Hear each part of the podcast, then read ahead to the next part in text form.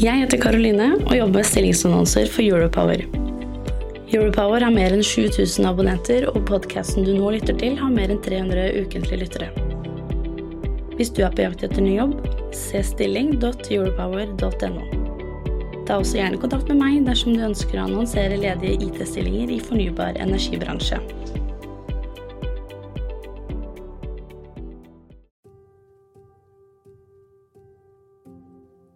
Når tok du sist ferje? Kanskje var det strekningen Moss-Horten, eller kanskje Folkestadvolda? Uansett, vi har mange ferjer i vårt langstrakte land. Se for deg at året er 2040, og at hele Norge går på strøm. Fornybar strøm. Og se for deg en helelektrifisert fergesektor. Vil det være mulig? Hvorfor bør dette være et mål, og hva må til for at vi skal komme dit?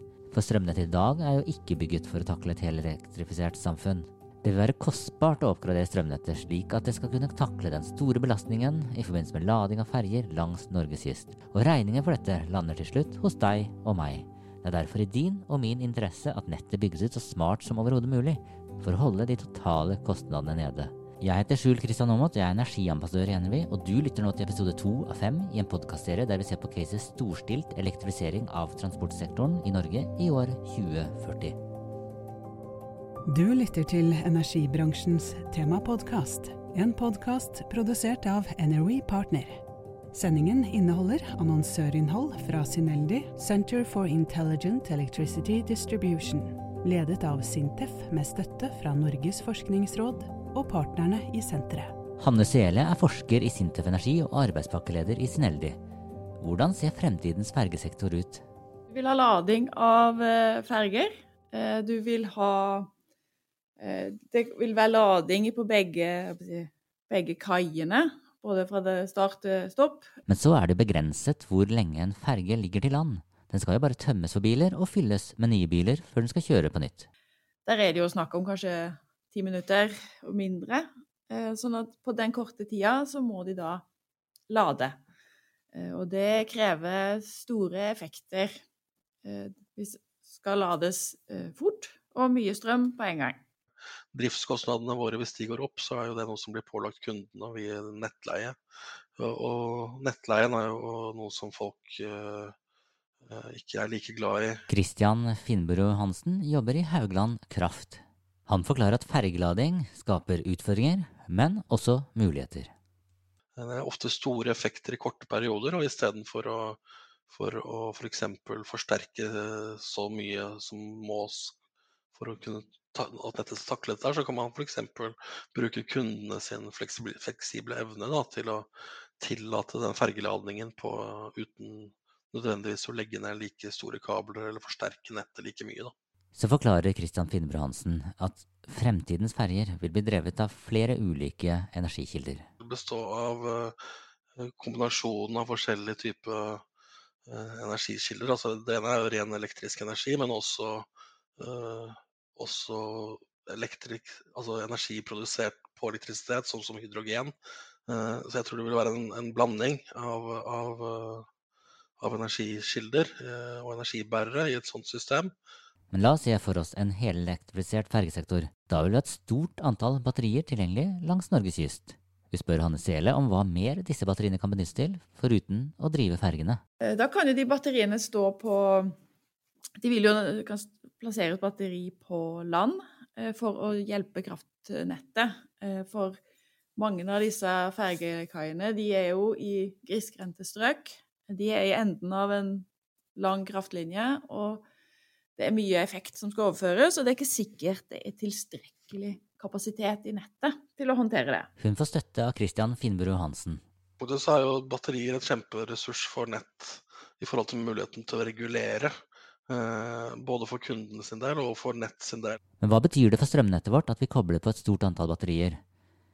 Strømnettet er delt i flere deler, og vi bør først Hanne Selom forklare hva DSO og TSO er for noe. DSO-en det er nettselskapet, den som er ansvarlig for å drifte distribusjonsnettet. Mens eh, TSO er transmisjonsnettoperatør. og det er da I Norge så er det Statnett. Og de er ansvarlig for å drifte kraftnettet på de høyeste spenningsnivåene. Så det er egentlig de deler eh, nettet seg imellom, avhengig av spenningsnivå. Eh, Altså, sånn, uh, hvis du ser på nettselskapet eller DSO-en først, så kan batteriet hjelpe til å utsette nettinvestering. Men samtidig så er det òg en fleksibel ressurs som kan tas inn og brukes til nytte for nettet ved å holde det stabilt. Og både DSO-en og TSO-en har behov for fleksible ressurser for å løse eventuelle problemer i nettet. Eh, og da den DSO-TSO-interaksjonen er, er, en sånn Hvem er det som skal bruke batteriet? Man må finne ut den beste måten å gjøre det på. Eh, og at de ikke blir uenige at det at én bruker det, så blir det problemer for nettet til den andre. Og jeg tror aggregert opp, eh, opp mot TSO, så vil det ha en effekt fordi du på en måte kan Eh, se større områder i ett.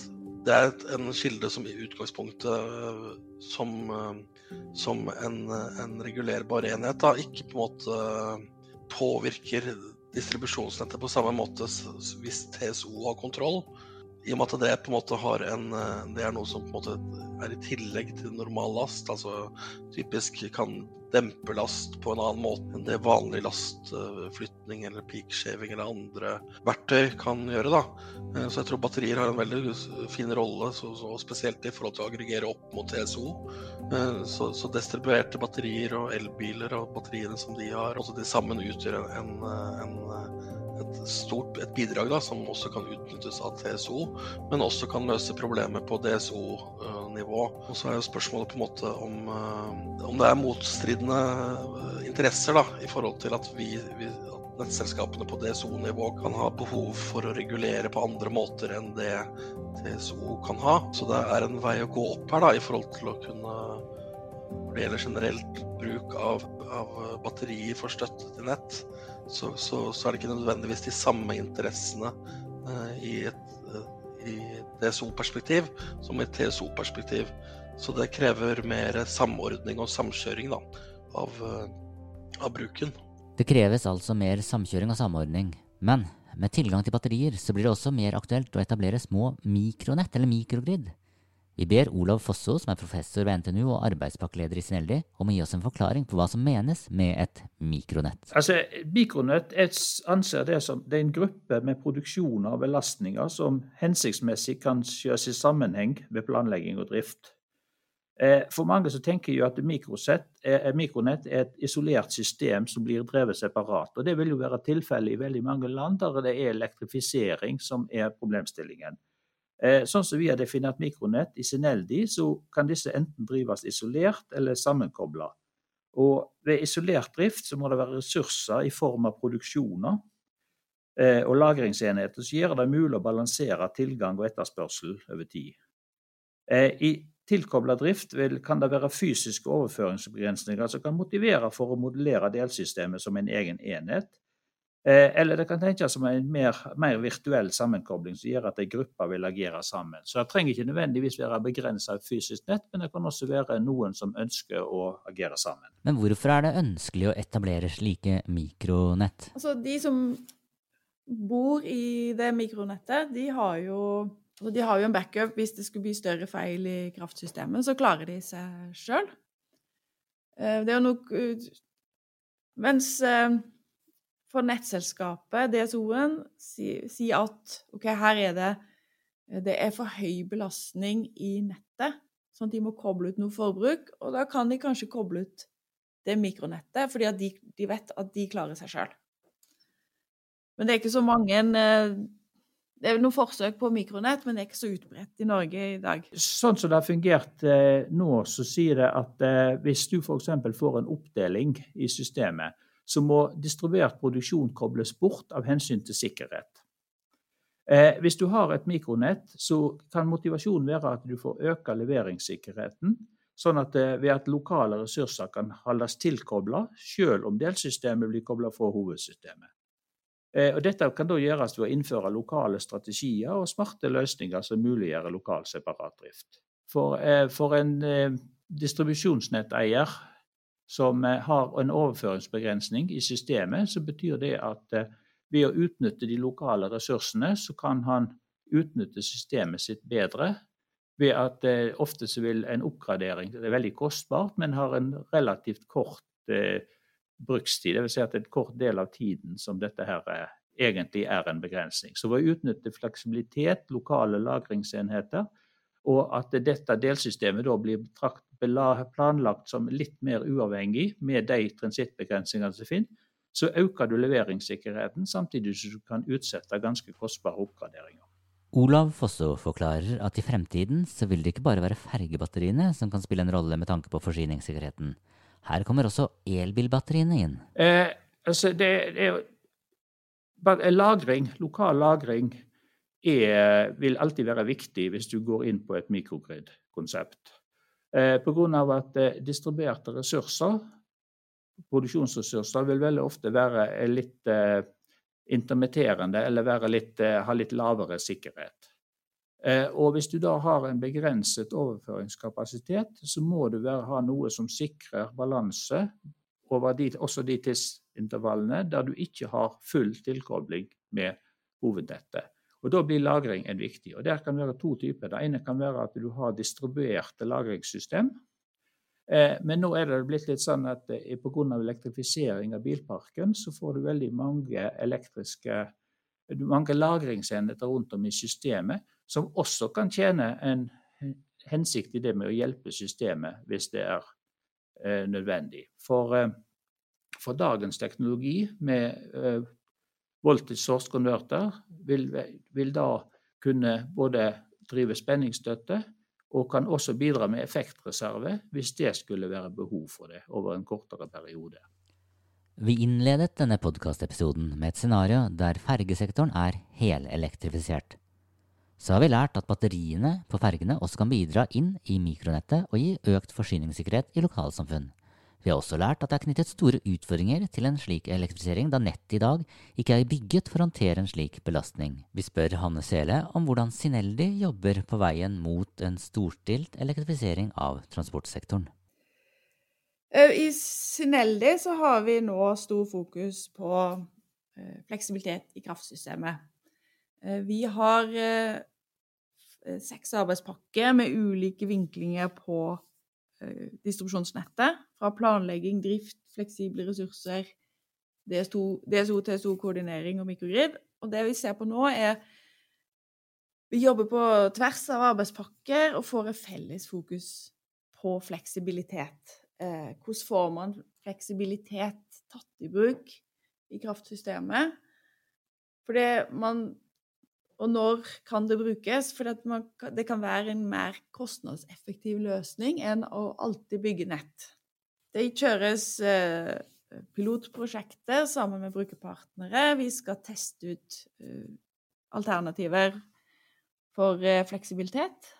Vi skal Det er doktorstipendiater som jobber i detaljer på det her, og det er forskere som gjennomfører analyser knytta til bruk av fleksibilitet. Hva er en fleksibel ressurs? Ehm, og hva kan det brukes til? Hva er verdien av det? I tillegg til rene teknologiske utfordringer, så ser Sineldi også på fleksibilitetsmarkedet. Altså, vi, vi ser jo òg på uh, Altså, vi prøver å finne ut uh, når Eller hva kan fleksibilitet brukes til? Og da er det jo bratteri, forbruk og produksjon. Og så prøver vi å finne ut forretningsmodeller med det her, hvordan man får det det skal være lønnsomt. Eh, så det å Vi ønsker å teste også fleksibilitetsmarked, der man kan eh, ta i bruk den type ressurser og få løst nettproblemer, direkte konkrete nettproblemer, ved å bruke et marked for å, å, aktivere fleksibilitet. Og det kan jo være rundt et sånn batteri i et mikronett. Det kan være rundt et batteri på elferge. Eller gir en stor trafo der man har et, eh, et kapasitetsproblem i dag. Så det er en måte å, prøve å få tak i den fleksibiliteten vi vet er ute i nettet, eller ute hos kundene. En helelektrifisert fergesektor vil gi et stort positivt bidrag med tanke på reduksjon av CO2, men det er dyrt å bygge ut nettet slik at vi kan muliggjøre denne elektrifiseringen. I denne podkastepisoden har du fått høre litt om hvordan Sineldi jobber for å holde kostnadene nede, det handler om å bygge et så smart nett som overhodet mulig. Jeg heter Skjul Kristian Aamodt, og jeg er energiambassadør i Energy. Og du har nå lyttet til episode to av totalt fem i serien om storstilt elektrifisering av transportsektoren i Norge i 2040. Du har lyttet til energibransjens temapodkast. En podkast produsert av Energy Partner. Sendingen inneholdt annonsørinnhold fra Sineldi, Center for Intelligent Electricity Distribution, ledet av Sintef med støtte fra Norges forskningsråd og partnerne i senteret.